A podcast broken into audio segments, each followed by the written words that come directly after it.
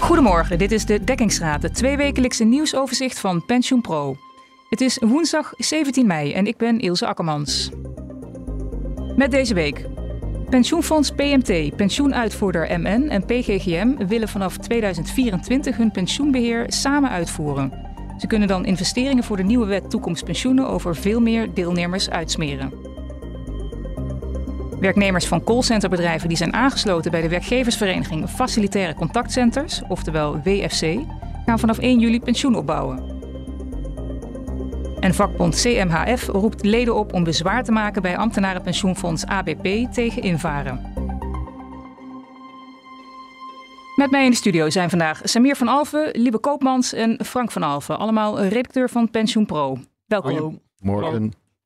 We beginnen met het nieuws dat pensioenfonds PMT, pensioenuitvoerder MN en PGGM vanaf 2024 hun pensioenbeheer samen willen uitvoeren. Samir, dit is een verhaal van jou.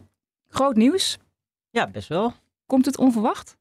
Ja, ik vind ervan wel. Um, het zat er wel een beetje aan te komen in die zin dat ik in de meivakantie het jaarverslag van MN doorlas. Hm. En daar stond al wel in van nou, hè, we hebben nu een samenwerking op, op het gebied van onze IT en administratie. eh, dat MN gaat draaien op het systeem van PGGM. Er stond ook een zinnetje bij, ja, we gaan eigenlijk onderzoeken of we nog verder gaan samenwerken op pensioenbeheergebied. En toen ja, had ik ook wel even overleg met Frank, een collega, van ja, dit lijkt toch een soort opmaat voor een samengaan of fusie. Hm. Dus die vraag heb ik ook gewoon aan de men gesteld van nou, eh, gaan jullie gewoon fuseren met PGGM? En eigenlijk een week lang niks gehoord. En toen inderdaad, verleden week vrijdag kwam denk ik het persbericht uit dat ze eh, ja, eigenlijk gewoon eh, samen gaan. En eh, ja, veel verder gaan dan alleen maar op IT-gebied samenwerken. Ja, onverwacht. Groter nieuws. Ja, zeker. En hoe gaat die samenwerking, of ik moet eigenlijk zeggen samenvoeging, ehm, tussen PMT en de uitvoerders eruit zien? Nou, in het plan gaat dus de pensioenadministratie van PMT, het contract daarvan verschuift van MN naar PGGM Pensioenbeheer. Alle medewerkers van de MN gaan ook mee naar PGGM. Maar ja, als iemand het metaalfonds belt, dan neemt nog wel die medewerker van MN neemt de telefoon op en niet iemand van PGGM. En eh, ja, die, die, die mensen blijven ook gewoon in Den Haag zitten.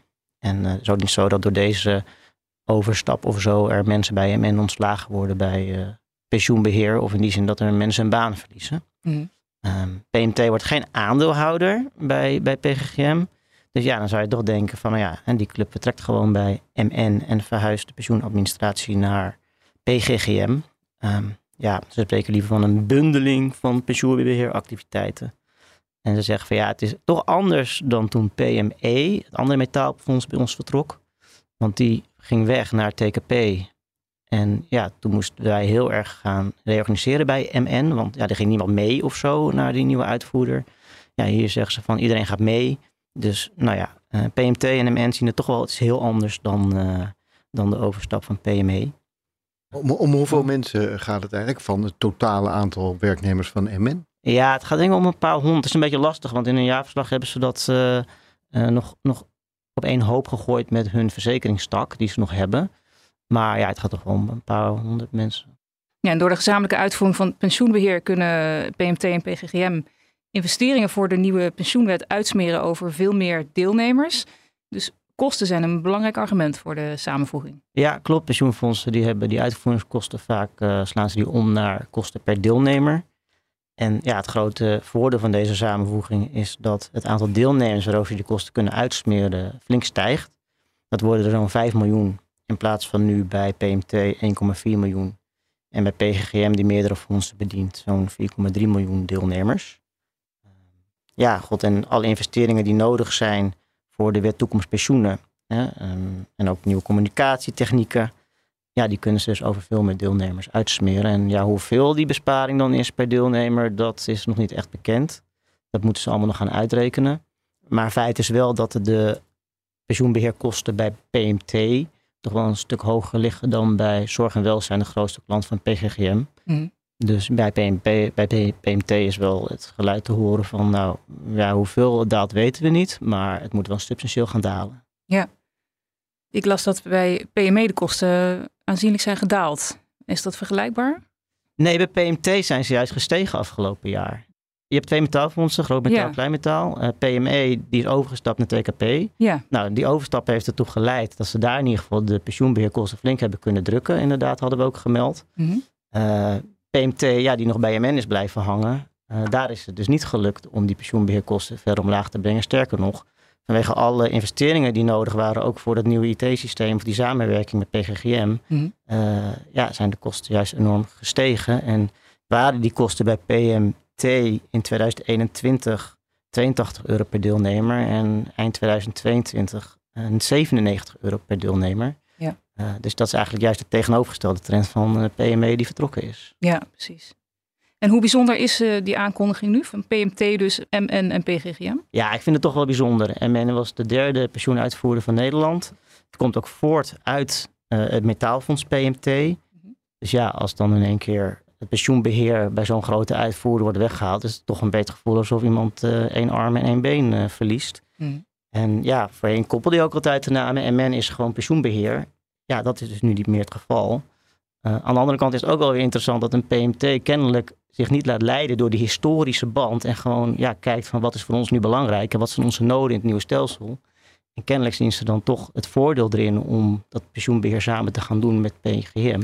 Ja. Dus ja, PMT had, had niet echt last van, ehm, ja, van nostalgie of zo. Om dan toch maar gewoon MN in stand te houden als pensioenbeheerbedrijf. Ja. Die mensen die eh, aan de top staan bij deze drie eh, organisaties, dus PMT, PGGM, MN, die doen natuurlijk allemaal een unieke stap en eh, strategisch grote stap. Mhm. En ja, de MN-topman Frits van Brugge zegt dat eigenlijk die samenwerking met PGGM in lijn is met de strategie die ze afgelopen najaar hebben opgesteld. Mhm.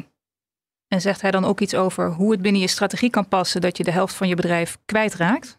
Ja, inderdaad, want het pensioenbeheer, ja, ik weet niet helemaal of het helemaal 50% was, maar toch echt wel een groot deel van de omzet kwam van pensioenbeheer. Mhm. Ja, daar hebben ze nog niet zoveel over gezegd, dus het lijkt me wel interessant om daar Frits van Brugge eens over te spreken. Hoe, de, ja, hoe hij dat nou vindt passen binnen de toekomstplannen van MN. En wat blijft er na de samenvoeging nu over van eh, MN? Ja, eigenlijk een vermogensbeheerder Mhm. of een adviseur op het gebied van strategisch eh, beleggen, dus een fiduciair beheerder. En ja, daarvan zegt eh, Van Brugge, of in ieder geval MN zegt dat dat gewoon ook een goed eh, bedrijf is. In ieder geval winstgevend. Pensioenbeheer maakte MN de afgelopen jaren verlies. Eh, vermogensbeheer schijnt gewoon een, een winstgevende tak te zijn bij, bij deze club. Mhm. En ja, ze zeggen we zien ook genoeg kansen in het nieuwe stelsel voor het bedrijfsonderdeel vermogensbeheer. En staan zelfs in het nieuwe stelsel ook open voor nieuwe klanten. En tot die tijd richten ze zich op de transitie naar het nieuwe stelsel van de bestaande klanten, koopvaardij en eh, PMT. En ook PME, want die zit ook nog steeds met het grootste deel van vermogensbeheer bij MN. Ja. En het is dan wel weer grappig dat ja, het nieuwe stelsel moeten die vermogensbeheerders moeten heel goed gaan samenwerken met de pensioenbeheerders. Hè, vanwege de persoonlijke potjes en de communicatie en het toedelen van rendementen.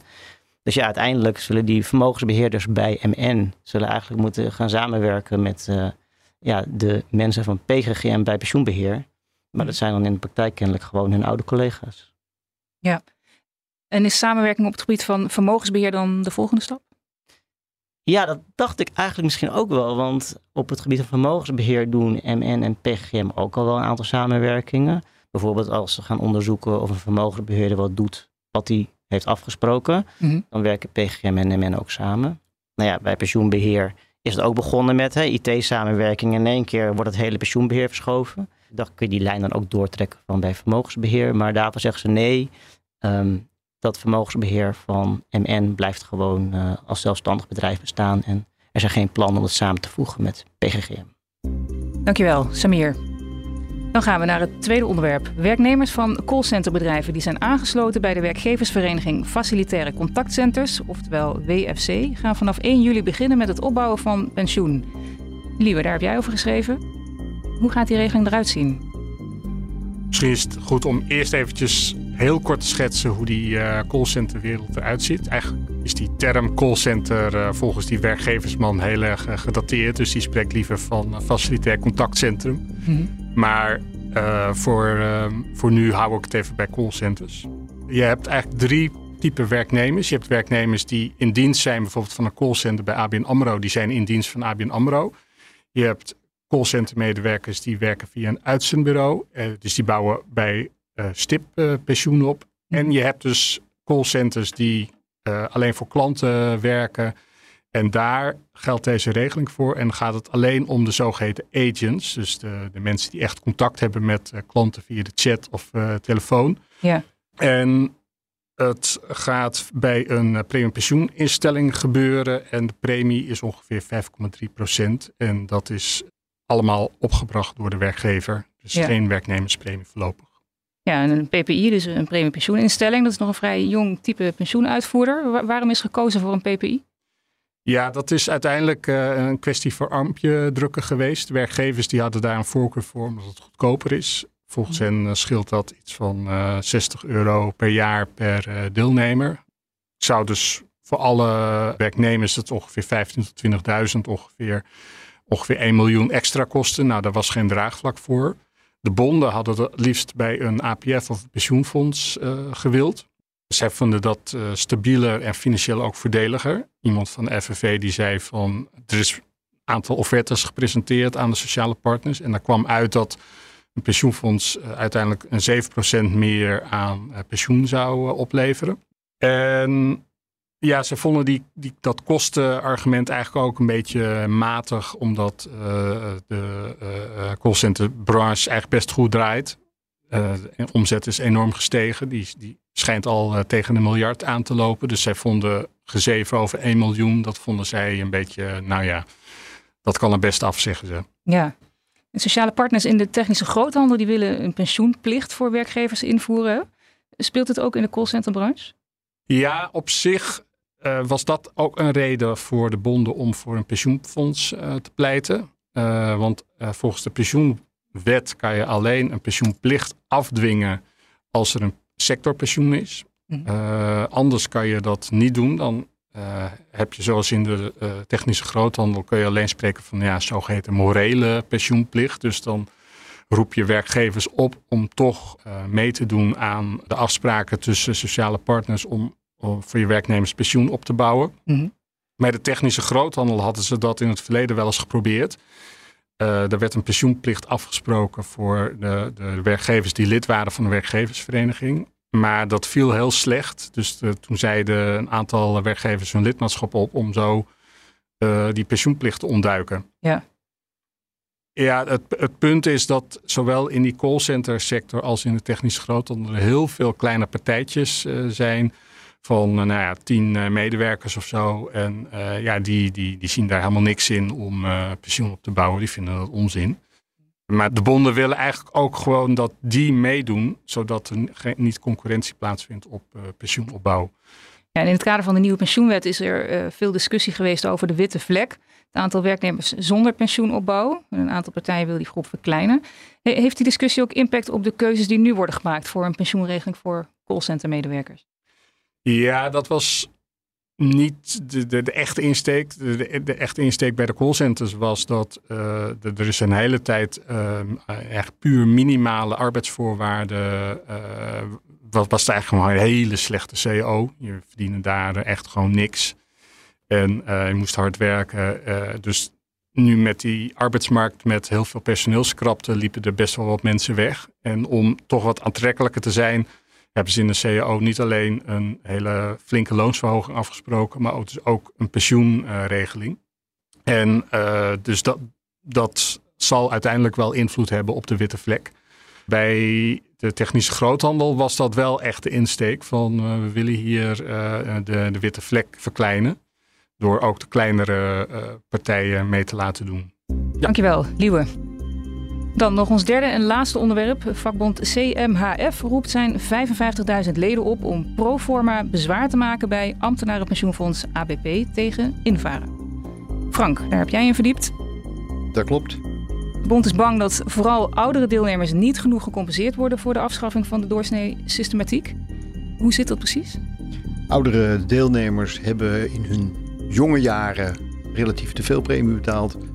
En uh, ja, dat willen ze goed gemaakt hebben op het moment dat we overgaan naar het uh, nieuwe stelsel. Betaalt iedereen dezelfde premie.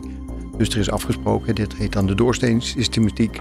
Dus afgesproken dat de mensen die daar de dupe van zijn, dat die gecompenseerd worden. Hoe dat precies moet, is een enorm uh, ingewikkelde rekensom. Hm. Dus de, de angst is, ja, misschien krijgen we wel niet genoeg. Dus laten we bij voorbaat, baat het niet, dan schaadt het niet. Laten we een klacht indienen of een bezwaar indienen tegen dit hele proces voor het geval we te weinig krijgen. Ja, en waarom komt de CMHF juist nu met die oproep? De CMF, eh, dat is een bond die bestaat uit allemaal eh, kleine eh, beroepsverenigingen. Denk aan wiskundeleraren of de hoge ambtenaren bij financiën of dat soort zaken. Mhm. Die club komt er nu mee omdat het individuele bezwaarrecht gaat vervallen bij, onder die nieuwe wet. Mhm. En ze zeggen dat dit is nu nog de kans om iets te doen. En dien dan maar een bezwaar in ertegen. Uh, en ze kijken dan een beetje met een schuin oog naar die hele affaire rond de vermogensrendementsheffing.